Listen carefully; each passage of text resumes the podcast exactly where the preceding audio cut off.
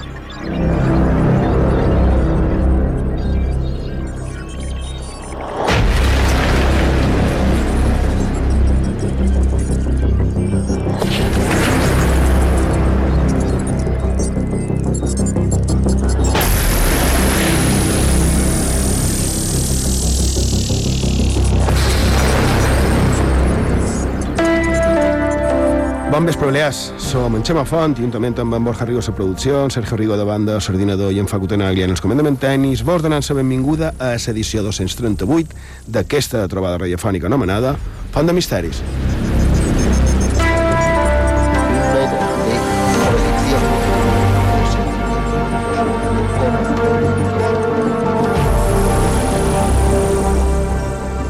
Bon vespre, Borja Rigo. Bon vespre. Sergio Rigo, bon vespre. Bon vespre, Xema. Anem, anem per feina, si vos sembla. Primer de tot, si, si viviu a Mallorca, ens han parlat molt bé de, del tema que des de la regidoria de Cultura s'està fent, referint en el tema de la nostra història, que fa de setmanes que ho volia dir i, i si no se m'es passa. Sa, bé, uns cicles de conferències a Can Balaguer i també acompanyat d'itineraris històrics. La veritat és que té bona pinta, molt bona pinta.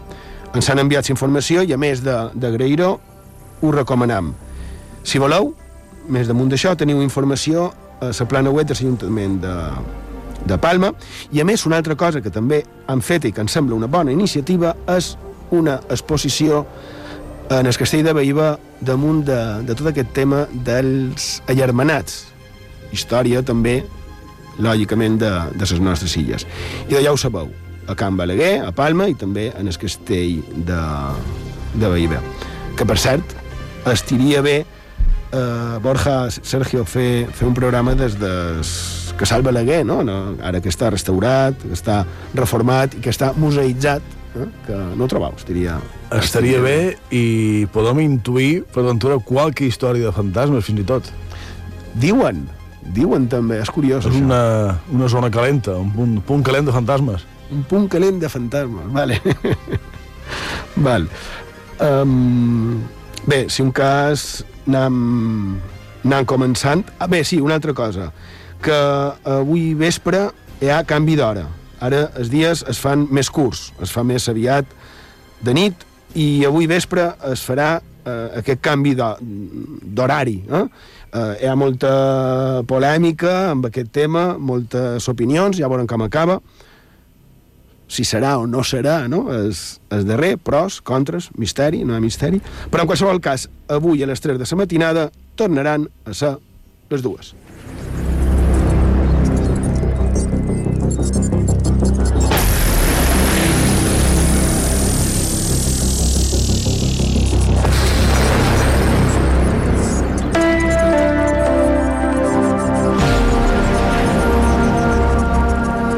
Bé, passat, Xema, no han dit, la setmana que ve tenim un programa molt especial de Font de Misteris. Mm. I què farem? Pujarem a un autobús i farem un programa en directe. A, a dins del bus, acompanyats de, després que, que ja mos ha demanat la seva plaça, ja ho hem posat les xarxes socials aquesta setmana i hem de dir que ja tens les places completes. Val, Això correcte. Cer certament, sí. Proper dia 3 de novembre, que tingueu plaça confirmada, ens veiem per pujar un autobús de línia de l'empresa municipal de transports de Palma, des d'on farem un, una, podríem dir, una ruta radiada. Una ruta radiada, sí. Una, una cosa estranya, de les que mos agrada fer. Sí, un, un invent. Sí, sí, van, crec que ho van dir la setmana passada. Sí que s'ha fet dins Històries a Ràdio Espanya qualque vegada un directe amb un autobús, però, evidentment, mai eh, dins damunt el tema des, des misteri. Exacte. I qualcú ha demanat, però què fareu? I de, simplement farem la línia de l'autobús i anirem contant coses re- relacionades amb els punts en els que anem passant. Simplement això, com si fos una ruta a peu, però amb autobús i en lloc de només pels que mos acompanyeu, que vos agraïm a tots, com sempre, la vostra resposta, no només el que ens acompanyeu, sinó que també ho transmetrem per tota la nostra comunitat.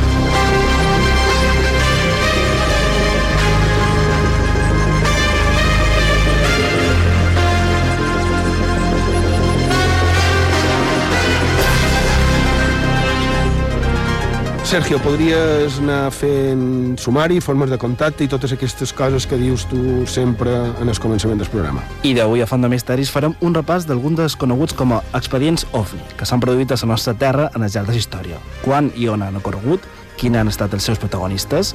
A la darrera part del programa hi haurà temps per repassar l'actualitat de la setmana, la secció Món Diversos, i també escoltarem i llegirem els missatges que fan arribar els oients a l'espai de xarxes socials. I ja ho sabeu, si us voleu fer arribar els vostres missatges, ho podeu fer de diferents formes. A través de Facebook i Twitter, cercant Font de Misteris i emprant l'etiqueta Font de Misteris i Vetres. També a través del WhatsApp del programa. El número de contacte és 659 769 52. Ho repetim, 659 769 52. En el correu electrònic fontdemisteris arroba ivetresradio.com a Instagram, Font de Misteris i Vetres i ja ho sabeu, també podeu escoltar tots els nostres programes en el servei a la carta d'Ivetres a ivetresradio.com, a ivox.com i a fontdemisteris.com.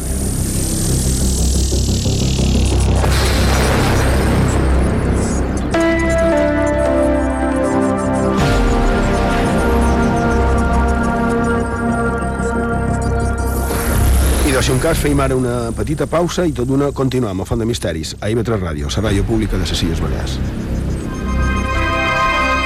on la història es torna llegenda, a on el més quotidià es torna màgic. Acompanya'ns a la nostra font de misteris a IB3 Ràdio.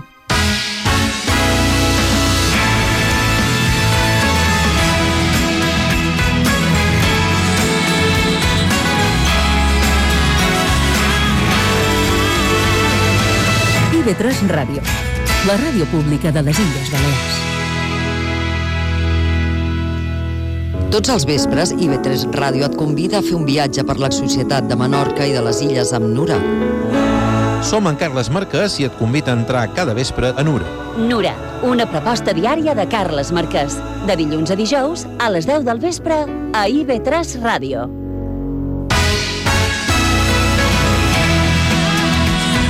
A Eivissa i Formentera, escoltau IB3 Ràdio al 93.7 de la FM.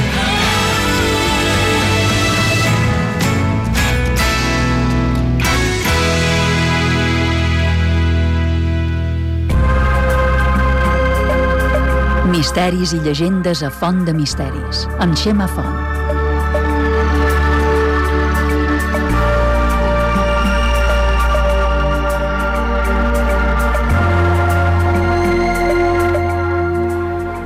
Seguim a Font de Misteris, a la sintonia d'IV3 Ràdio, la ràdio pública de les Balears, i bé, com hem dit ara fa un moment, abans d'aquesta petita pausa, avui volem tornar a parlar del tema de, de casos que podrien relacionar amb la temàtica d'allò conegut com a OVNI i les nostres illes, principalment, aquesta xida.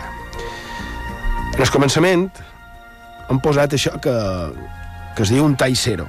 Un tall zero és un bocí de qualque gravació que es posa abans de, de començar el, el programa. I, Borja, la veritat és que, és que m'ha sorprès. Si te sembla, com dura pocs segons, si te sembla, ho tornem a escoltar i, i te dic perquè m'ha, m'ha, justament m'ha sorprès que, que haguessis triat això. I de, sí, ara el podem escoltar perquè, més, i jo crec que vosaltres ho sabeu, si l'he triat precisament és perquè allò que diu, tan breu, ara ho escoltarem tan senzill, entre cometes, crec que és un pensament que molts compartim. Sí, o sigui que sí, banyem-me i, i, evidentment, donant una opinió personal. Anem, anem a escoltar-ho, és que m'ha fet, fet pensar. Anem a escoltar-ho. El fenómeno ovni, bajo distintos nombres, aparece a lo largo de toda la historia y siempre con unas implicaciones religiosas indudables. Es decir, que lo que hoy son una serie de, de mesías del ovni, que los hay en todo el mundo, han sido en el pasado, incluso en un pasado inmediato, elementos que han proclamado esa visión como una visión religiosa, de cualquier tipo religiosa católica, religiosa hindú o religiosa de, de, de- de mil formas distintas.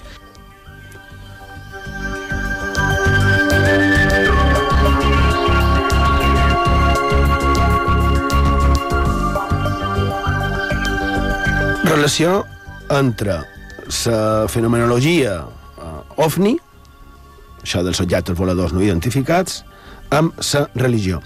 I, i dic que m'ha sorprès per aquesta relació precisament que, que hi ha entre religió i misteri.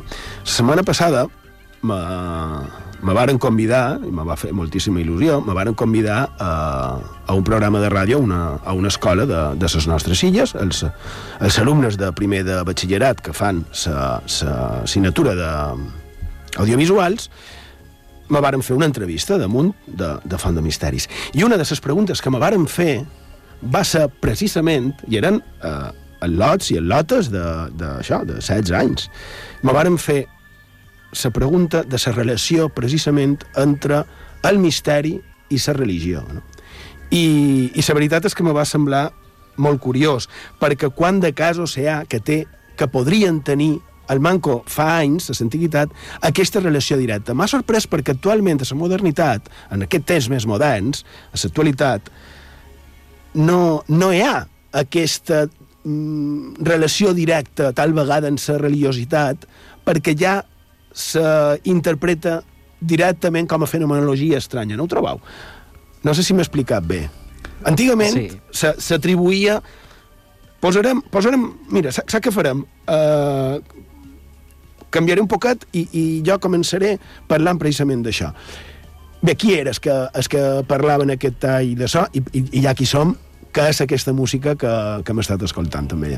I de qui, qui parlava, qui xerrava, era ni més ni manco que en Juan García Atienza, un dels grans mestres de la heterodòxia, aquí a Espanya podríem dir, autor d'un bon grapat de llibres d'ovnis, d'història estranya, de templers, de tresors amagats, una de les grans plomes, sense dubte, també polèmic, evidentment, com quasi tot, i aquest fragment que hem escoltat està estret d'un programa del mític Más Allá, d'en Fernando Jiménez de l'Oso, televisió espanyola, de l'any 1979. Era una tertúlia francament interessant, a la qual participava en, en Jiménez de l'Oso, en Atienza, i, entre altres, en Enrique de Vicente, Un jove, Enrique de Vicente. ja no, ja no era tan jove. Sí. Com a, sí, és a dir, devia ser de la teva edat, més o menys. Ah, vale, molt bé. Prenc nota. Ha estat lleig, això. Una mica. En aquell temps, director de la revista Contactos Extraterrestres, ni més ni manco. Sí, no me'n recordava d'aquesta revista, és vera. Un bon títol potent. Sí, francament interessant. I, de fet, aquest fragment que hem estret de, per aquest programa d'avui és un dels primers compassos dels programes, i ja començava d'aquesta manera, començava fort. Sí, la veri la veritat és que sí. I el que deies, el que hem escoltat, el que escoltàvem al principi, la sintonia que ens ha acompanyat a la introducció del programa, és una sintonia que crec que hi diu molt, perquè és el primer tast, el primer tall del nou treball de Jean-Michel Jarre, que sortirà el mes que ve, que és una continuació del mític disc Equinox, de l'any 78. Mira, l'any 78 eh, Equinox, l'any 79 n'Enrique de, de Vicente i en Atienza dient això, i l'any 80, curiosament, m'està fixant en els, en els apunts, i l'any 80 hi ha una sèrie de, de casos ovnis que la casualitat ha fet que, que els eh, comentarem segurament avui. Tot està vinculat. Tot com sempre. L'any 79, Cas Manises, evidentment, és a dir, aquestes històries... També. eh, anem, anem, anem per feines que són, són i 20 i encara no hem fet res.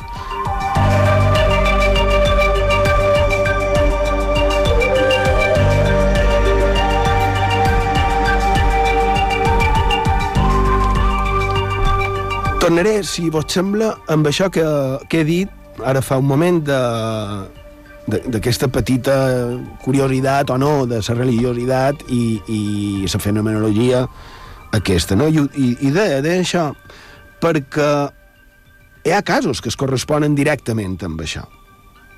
Ara, per exemple, crec que en el seu dia ho van, ho comentar. Imagineu que la vostra filla, la vostra neta, està a la seva cambra jugant. Filla única, està tota sola, està jugant, i hauria d'estar sola, tota sola, a la seva habitació. I un va goitar per la porta per veure que tot estigui bé, que no hi ha res de nou.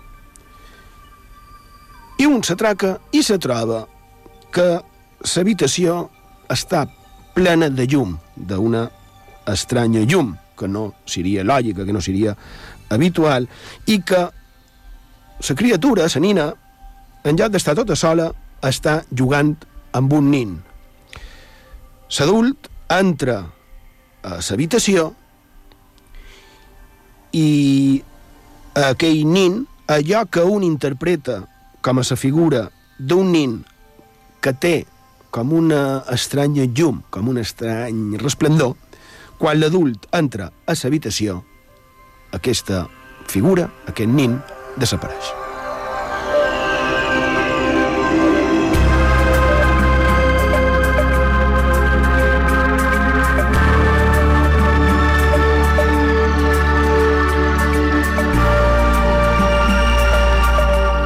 Aquesta escena està estreta del llibre de la vida de Santa Catalina Tomàs, que és una biografia feta l'any segle XVIII per ni més ni manco que el cardenal Despuig. Que, a més, no és l'únic cas que d'aquest tipus, semblant en aquest, que cita, que reporta no, en aquesta biografia. Per exemple, una altra, na, na Catalina Tomàs era orfa de nina, vull dir, eh, havia mort a, als seus pares, i per això vivia en la seva padrina, la mateixa que va entrar a l'habitació. El cas és que un dia una tia seva li diu eh, la nina que s'havia d'arreglar, que s'havia de posar les millors robes perquè havien d'anar en el ball. Ella no tenia cap ganes d'anar-hi, així que aconsegueix distreure la seva tia i se'n torna cap a cases. Ella, tota mona i tota enllestida, torna a casa.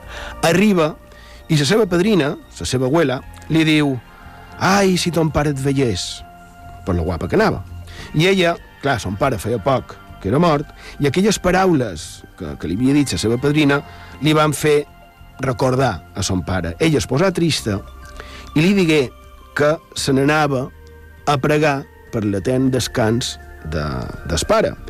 Es posa de lloneons per pregar i ens diu aquest llibre que se li va aparèixer un venerable personaje rodeado de luces celestiales. Val.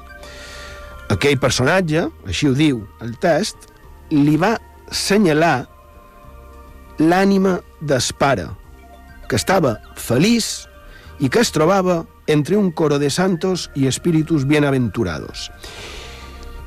I ella ho veia, la nina ho veia com a cosa certa. Tant és així que el llibre mm, diu que ella li va demanar, li va preguntar a la seva padrina que si veía a su padre lleno de resplandores y oía la música celestial que le acompañaba.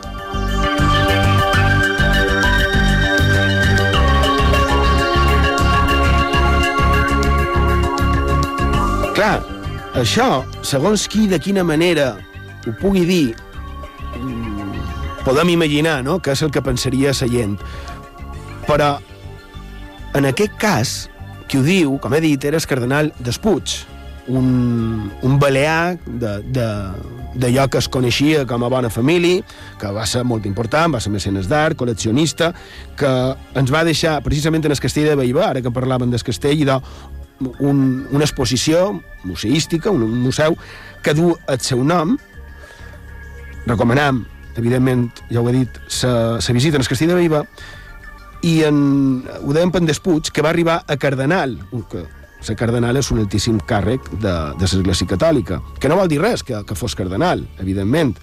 Qualque dia, Borja, Sergio, hem de parlar del cardenal Despuig perquè té molta cosa... Fa anys que amenaçam entre cometes Sí, i sí, encara no ho I tenim per un parell de programes. Sí, sí, perquè la veritat és que és molt curiós tot el que hi ha al darrere. Però, clar, això de que tota una institució de la religió catòlica parlés d'estranys éssers de llum, això ha de fer que em sorprenguem.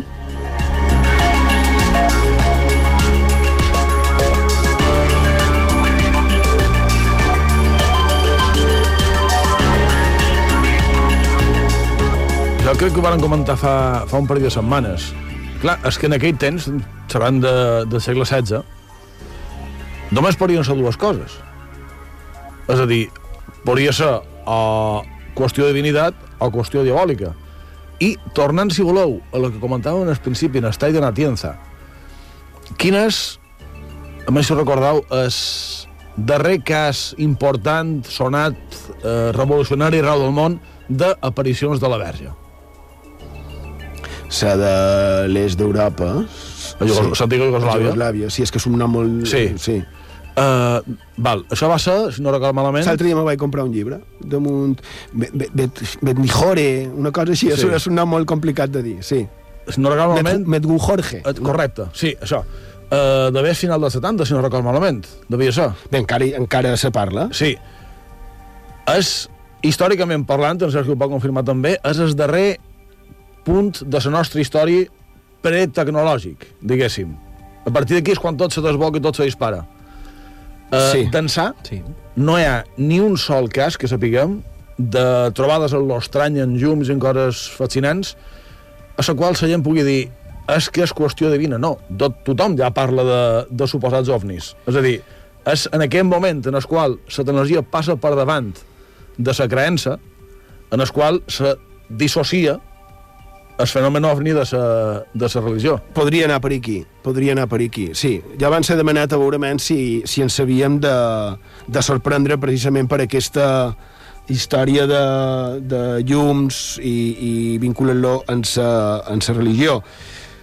Jo no sé si amb aquesta cita que, ha fe, que han fet del cardenal Despuig ens haurien de sorprendre, però crec que amb aquesta que, amb aquesta altra, Borja, la que, la que tu comentaràs, no ho sé, perquè d'un dels màxims càrrecs eclesiàstics aconseguits per, per un balear, a l'Església Catòlica, eh, que va ser el cardenal Despuig, ara és vera que, que l'ha superat eh, el cardenal Manocorí Man Manocorí en, en Lluís Ladària,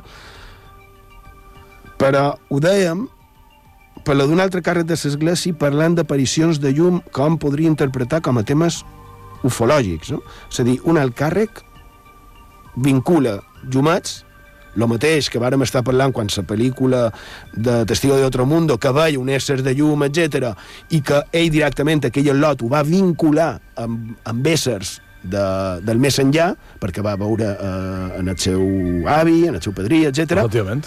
Mm, en aquest cas, Borja, n'has trobat un que, déu nhi mai millor Mai dit. millor dit. Mai millor dit, Clar, perquè ara fa un moment comentaves no sort Maseta, que seria, diguéssim, dins l'escala de religiosos, pues, estaria un nivell bé, d'acord, de santa, però no al màxim nivell.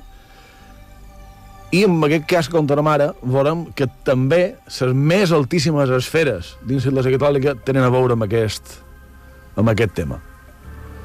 Ara toca xerrar de el major càrrec de l'Església, el papa.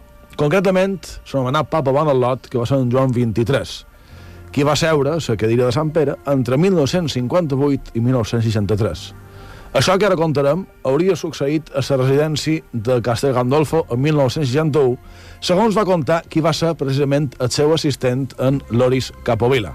Diu així, el papa i jo estem caminant a través del jardí una nit del mes de juliol de 1961, quan vàrem observar sobre els nostres caps una nau molt lluminosa. Era de forma oval i tenia llums intermitents de color blau i àmbar. La nau semblava volar sobre els nostres caps durant uns minuts per després aterrar damunt la gespa en el costat sud del jardí. Un estrany ésser va sortir de la nau. Tenia forma humana, a excepció de que el seu cos estava envoltat d'una llum daurada i tenia les orelles més allargades que les nostres. La seva santedat i jo mos vàrem agenollar. No sabíem el que estàvem vent, però vàrem saber que el que fos no era d'aquest món. Per tant, havia de ser un esdeveniment celestial. Varen resar, i quan vàrem aixecar els nostres caps, César encara hi era. Això mos va mostrar que no era cap visió, que era, que era real. El sant pare se va aixecar i va caminar cap a César. Tots dos van estar de més 20 minuts un davant l'altre. Se'ls va gesticular com si parlessin, però no sentien sons de veus. Ells no me'l varen dir res, no me'l varen cridar, per qual cosa vaig romandre on era i no vaig poder sentir res de lo que vam parlar.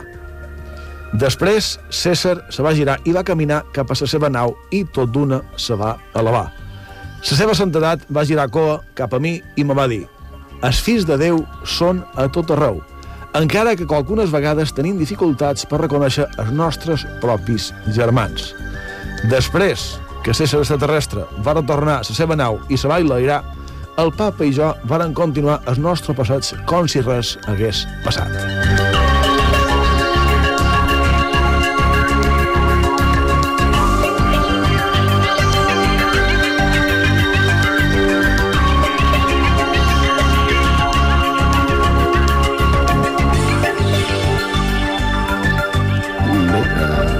Veritat és que és increïble i, i, i sorprenent. Jo no coneixia aquesta història i...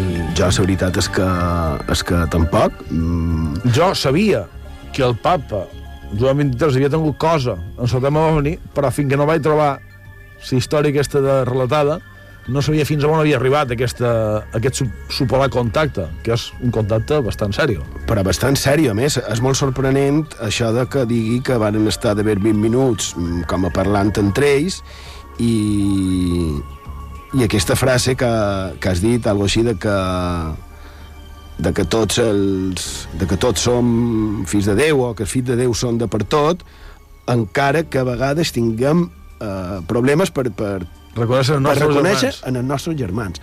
Això està molt sorprenent. I després que aquest senyor, que has dit que era l'assistent d'en Joan 23, que, que diu la paraula extraterrestre, en cas de que... La traducció sigui correcta i, i tot sigui dit com se va dir de veres. Tu coneixies, Sergio, aquest llibre? Idea. Val, i no direm encara, si un cas ja direm el, el llibre que m'agradaria pegar-li una ullada i ja, i ja ho comentam. Um, no ho sé, és, és molt sorprenent, com deia, i, i clar, si diu el papa de Roma, probablement se li fa més, més cas, no ho sé, però se li fa més cas que si els testimonis d'una persona corrent, com vosaltres, com nosaltres, com, com qualsevol. Se li fa més cas, segons qui sigui, que, que digui que ha tingut aquesta eh, experiència. O sigui, tindria, tindria per segons qui major credibilitat aquest testimoni de Joan 23 que no, per exemple, una, una possible aparició a, a la revista setmanal Dijous, la revista d'Inca, setmanari d'Inca, de l'any 1980. Eh? Ja em dic que el tema s'aniria cap als anys 80. Que curiós, perquè recordeu la setmana passada que en acabar el programa, que vàrem fer el programa dedicat als misteris i llegendes de Sant Llorenç d'Escardassà, que quan en el final ens van quedar sense temps i varen dir tot el que hauríem pogut contar i que no varen contar. No? I de, vaig dir que hi havia recollits per aquella banda de Sant Llorenç d'Escardassà testimonis d'albiraments d'ovnis. Un albirament és quan un veu un ovni. I de l'igual que aquells que vaig només citar, aquest també va passar l'any 1980. És, és curiós, perquè aquells dos que, que vaig comentar de, de Sant Llorenç també ho són, del mateix any, de la mateixa època, però no els mateixos dies. Diu la revista Dijous d'Inca, Ver un ovni no deja de ser un privilegio, privilegio que muy contados humanos pueden apuntarse en el haber de sus vidas. Entre estos humanos están los jóvenes campanenses, aquí diu els seus noms, i aquí, tal vegada, també podríem afegir, i el papa Joan 23.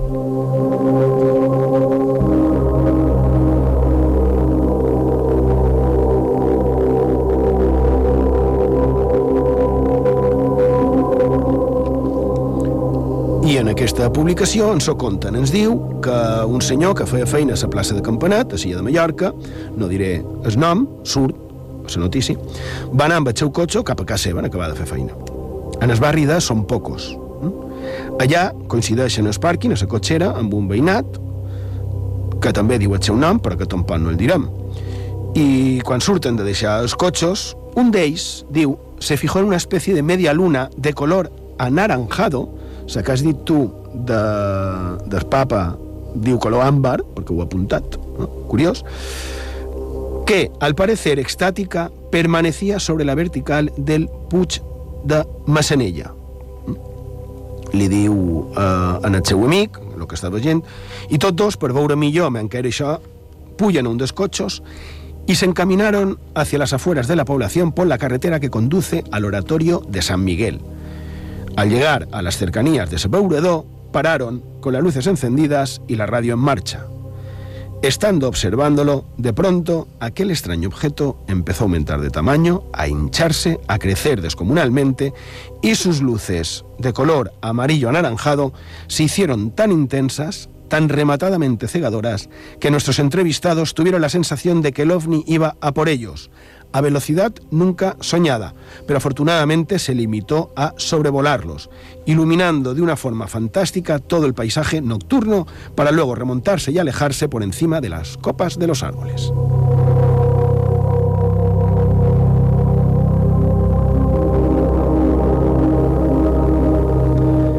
Diuen que això va durar molt poc temps, que eren d'haver les dues de la matinada del dia 21 de maig de 1980.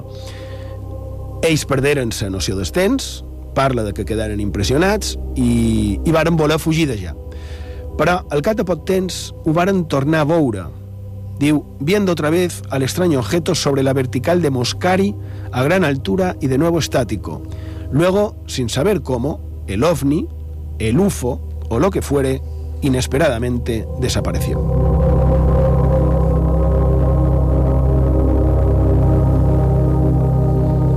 Més ens diu com. Diu, al verlo por primera vez, el ovni tenía forma esferoidal, como una especie nebulosa de color amarillo anaranjado. Después, al aumentar de volumen e intensificar sus luces, tomó la forma de un plato visto de canto, o sea, una semiesfera. Preguntados los entrevistados sobre si habían oído ruidos, manifestaron no haberse percatado de ello, pues llevaban puesta la radio. Quina credibilitat se li ha de donar en això? I de... Evidentment, nosaltres no ho sabem, però l'autor de l'escrit, en José Reiner Reus, ho deia ben clar. I la veritat és que personalment m'ha agradat molt com acaba aquesta, aquest article, ¿no? Perquè diu, aunque todo lo reseñado parezca fruto de la fantasía, para los protagonistas constituyen una auténtica realidad que nunca olvidarán.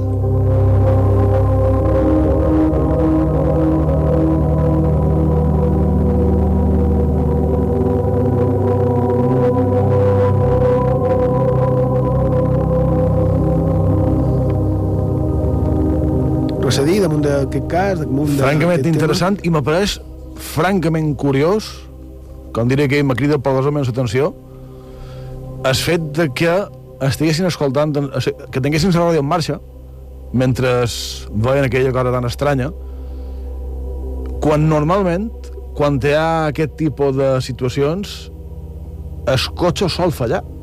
Tampoc dius a distància, potser estem molt en fora, és cert. Però, sí. si vos fixeu, és curiós perquè normalment el primer que sol fallar és tant eh, Sí, la ràdio com... Parla de que estava damunt la vertical Clar. amb un cas després de Massanella i s'eren a Clar, realment estem fora. És a dir, Sí. és, és difícil que pogués afectar. No és Però- com en però els de és- Castigando eh, del Papa, eh, sí, eren els Castell, sí, El el Castigando, Castigandolfo, sí. Uh, que ja sí que sí li va posar lluny de vora, que, que això és un altre tema, i després diu que estava damunt la vertical de Moscari, o sigui, ell s'hi quedava en fora. Sí que és curiós que, que tinguessin la ràdio en marxa, no ho sé, però bueno. I és curiós el que deia en Borja abans de, de les tecnologies, no? Ara podríem dir que és un cas de dron, s'ha aparegut un dron, una espècie de... Molt bona, sí senyor. En aquesta ocasió era impossible. En principi sí. Bé, impossible un dron com el que coneixem ara, Exacte. però sí que podria Sí que ser podria qualsevol haver- altre objecte volador no identificat. No, Clar. no, no ho dic per fer-se gràcia. Però és cert, és cert. Podria, Clar. clar. Per ara directament ho atribuiríem a, Actualment sí. a un dron. I, I la veritat és que sí, és una molt bona observació. Bé, mos quedam, si voleu, a Mallorca, eh, que és, evidentment, un dels punts calents, no? Torno a emplear l'expressió avui, dins el tema ufològic.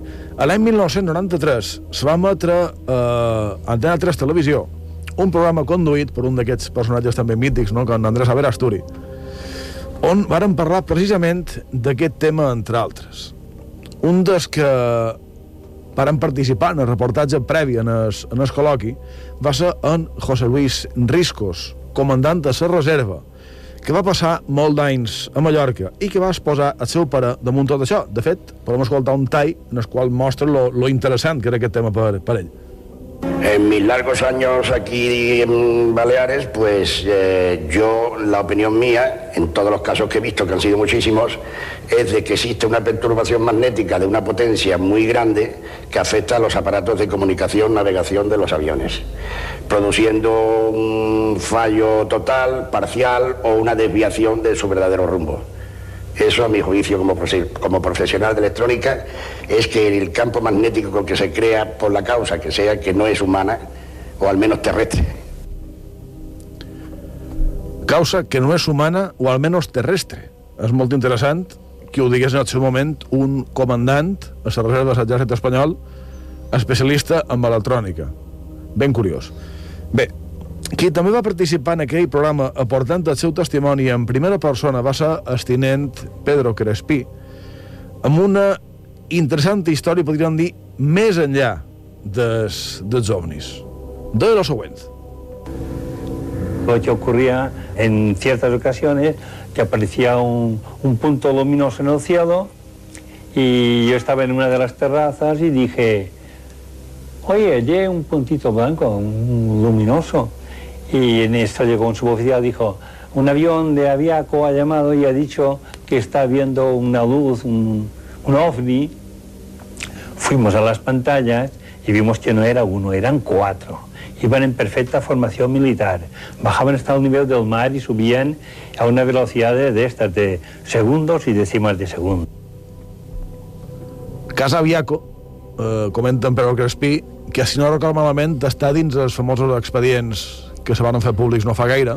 Sí, varen parlar eh, a Font de Misteris dels expedients classificats, desclassificats, i varen dir, ja te'n seguirem parlant, i no els han tornat a agafar, hi ha un bon grapat. Hi ha un eh? bon grapat, un francament grapat. interessant, sí. Sí, i crec que sí que, que aquest, per lo que diu el testimoni, el que acabes de dir, crec que sí que pot ser que... A més, és, és curiós, Sí. per lo que deia, va més enllà des, dels ovnis, va més enllà de que un testimoni veia qualque cosa estranya en el cel, no. És que ho veu i li diu, no, escolti, és que hi ha un avió ara mateix que té problemes serios perquè està veient el mateix i no sap molt bé què ha de fer. Clar. És, és interessant.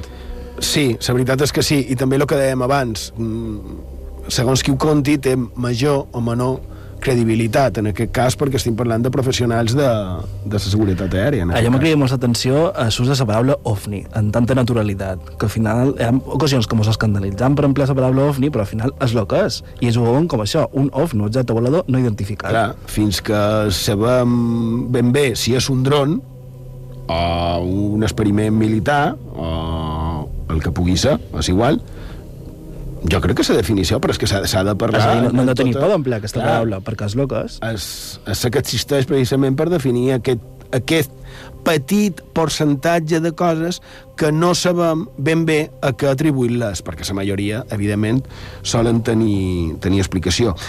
No sé si té explicació del tot o no aquesta que mos has comentat fa un moment, Borja, que, que te va arribar de primera mà, de més. Sí, efectivament. Eh, una curiosa, ben curiosa història que me va arribar més fa...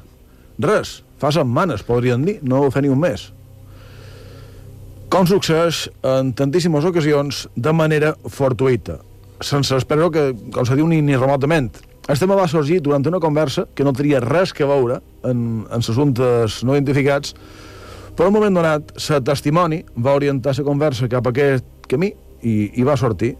En pocs moments m'estava contant, m'estava narrant de viva veu una trobada ovni.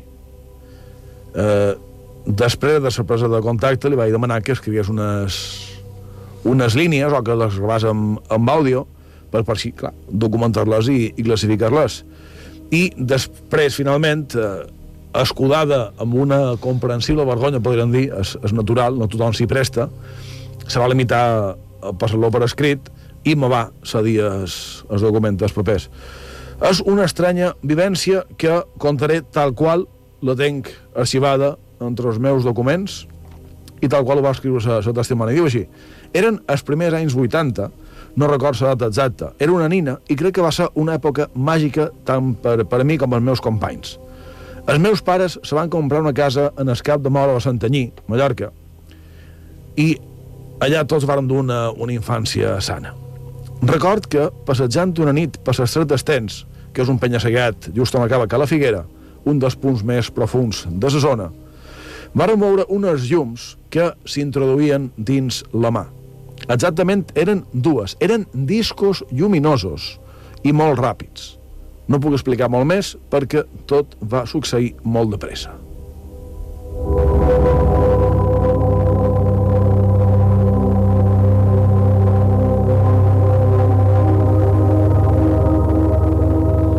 altre vespre, el meu germà va veure un ovni damunt la nostra caseta. Deia que era molt gran, negre, i amb moltes llums en el voltant. La mare d'un amic, que també té la seva caseta en el costat del penya-segat del Cap del Moro, va veure com un ovni aterrava en el costat de la tanca de casa seva. La dona no sabia què fer i va entrar en estat de pànic. Va tancar les portes i finestres i se va abraçar fortament a la seva cussa. Això és molt... és molt emotiu, no? Aquí s'interromp el relat de, del testimoni que més compte ha vist pot després d'aquest succés un submarí militar a l'estret d'Estens i pensa que per ventura podria tenir relació amb, amb l'assumpte. També diu haver vist una espècie de, de missils volar pel cel, visió a la qual son pare se va referir, supos que ja amb afany de tranquil·litzar, i és, i és comprensible, com avions sense ales.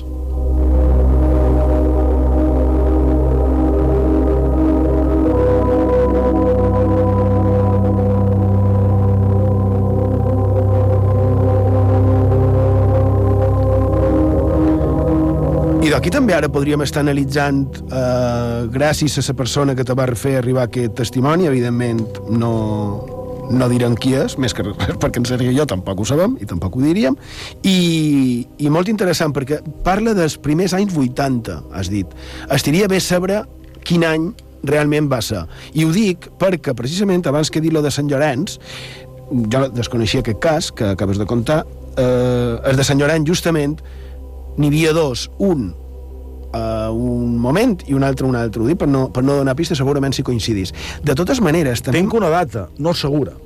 I doncs no me la diguis. Quan la tinguis, m'ho dius... No, i, crec, no crec que la... I, i ho feim. No sé si la podrem aconseguir, bueno, però si, bé. Si se pot, estiria bé, i si no, paciència. Mm. Uh, de totes maneres, el més sorprenent és la part de submarí militar, dels míssils, d'aquests llums que entren a, a dins la mà, etc. Perquè jo recordo un cas que el tenc eh, apuntat de entre mm, la colònia Sant Jordi, Mesomanco i l'arxipèlag de Cabrera, també amb uns llums, i després en, en tema militar. Jo tenc la meva teoria i la meva conclusió.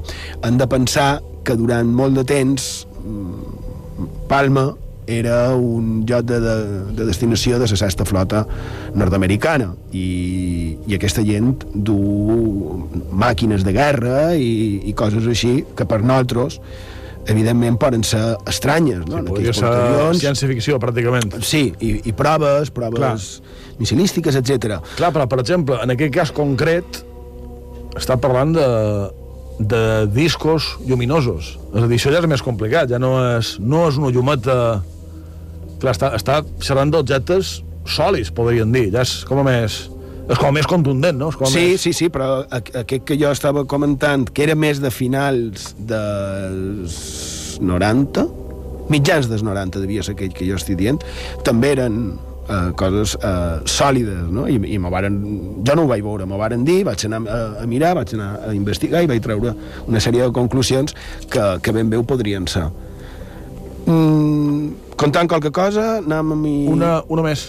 Però molt ràpida, eh? Una més. Vale. Val. I de, ara, si voleu, tornem a pegar un bot segles enrere. I anem en aquest cas cap a Menorca.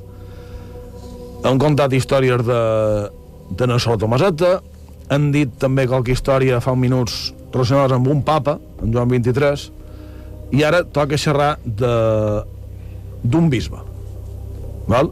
El bisbe Saber, famós perquè va escriure la famosa encíclica en, en el segle V exhortant de les comunitats jueves perquè, perdó, les cristianes perquè mirassin de prop en els, en els jueus perquè no se passassin ja que començaven a agafar força i era, era un problema bé, vos llegiré res, un bocina que tem per aquí i si no, no sé si deixar-lo per un altre moment perquè és un poc Sí, llarg, és, sí, és mira, complicat Segle V eh, ja tenim en el Bisbe Sever mm, en documentació que es, se troba en el Vaticà mm, parlant precisament de coses d'això. Aquí, en el final, l'únic que pretenem és donar a conèixer dades, que cadascú tregui les seves conclusions. No? Eh, la nostra idea, de totes maneres, és molt aviat tenir a l'estudi a un científic, eh? científic en mayúscules, que, que ens pugui aclarir quines possibilitats hi ha darrere d'aquest fenomen. Jo, per exemple, he comentat la possibilitat del tema militar basant-me en aquest testimoni que ens ha contat en, en Borja. Però què, podria ser tot això segons la ciència? Perquè, clar, poden sorgir molt de dubtes.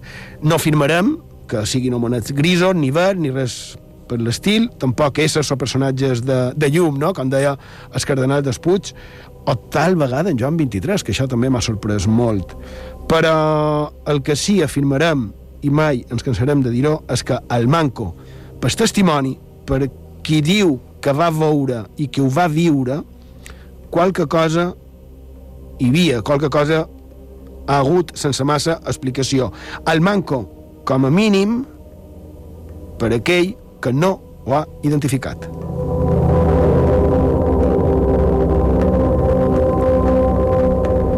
I, per cert, si has tingut qualque experiència d'aquest tipus i la voleu compartir amb nosaltres, mm, Sergio Formes de Contacte, ja sabeu, ja, i més els que mos coneixeu, que ho tractarem sempre en tota la confidencialitat que vosaltres vulgueu. Sergio, com ho poden fer per enviar-nos totes aquestes coses? I a través del Facebook, cercant Font de Misteris, a través del Twitter també cercant Font de Misteris, en el correu electrònic fontdemisteris arroba ib3radio.com o a través del WhatsApp dels programes. Número és 659 769 52 659 769 52.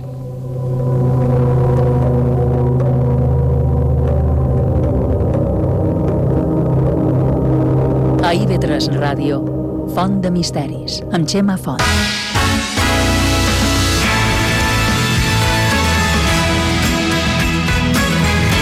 IB3 Ràdio, la ràdio pública de les Illes Balears.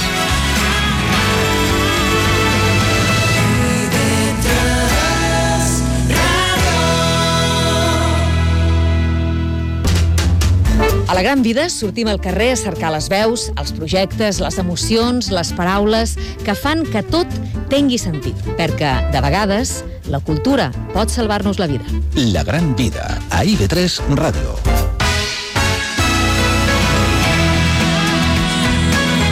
Capdepera escoltau IB3 Ràdio, el 96.4 de la FM.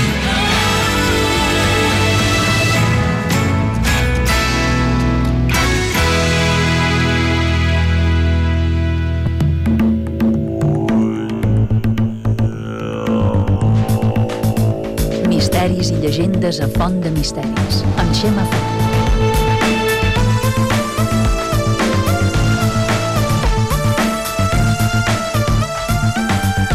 I doncs hem arribat a la fi del programa d'avui. Esperem que hagueu passat una estona agradable i que hagueu pogut treure cosa de profit d'aquesta font de misteris. Ara fa dos dies, en, en Sergio ens va fer arribar, en Borja i jo, un bocí d'aquells groguencs d'un diari de Mallorca. Era de l'any 1971. i surt una mena de mini-reportatge que signava en, en Lluís Pericot, el reconegut historiador i arqueòleg.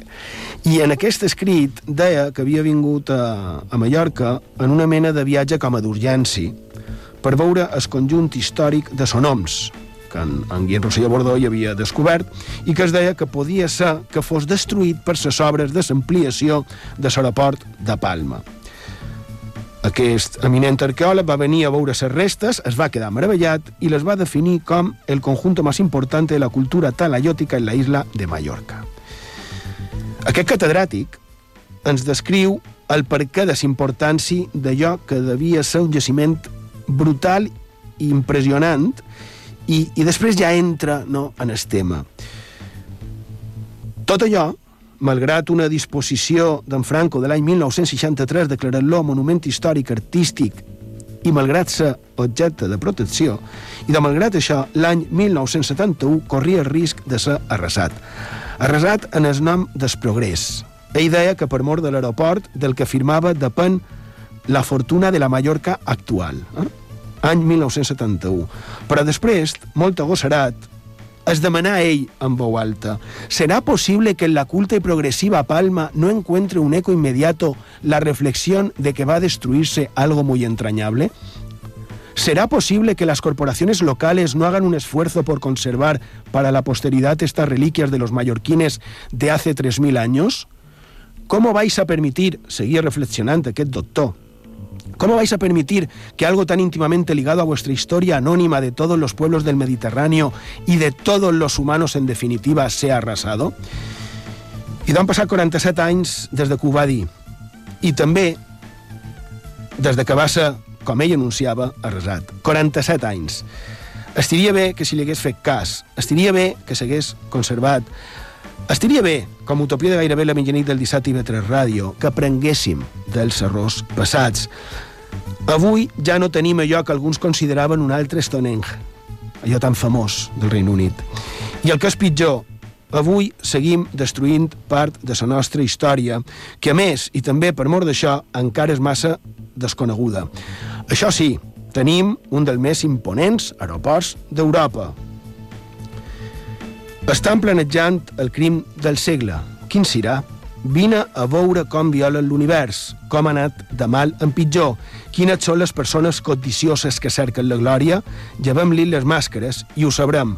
Però no pot ser, som tu i jo, no pot ser. De l'any 1974, Supertramp, Crime of the Century, Scream del segle. Hagi Pau, bona nit, gràcies per la vostra companyia i fins la setmana que ve.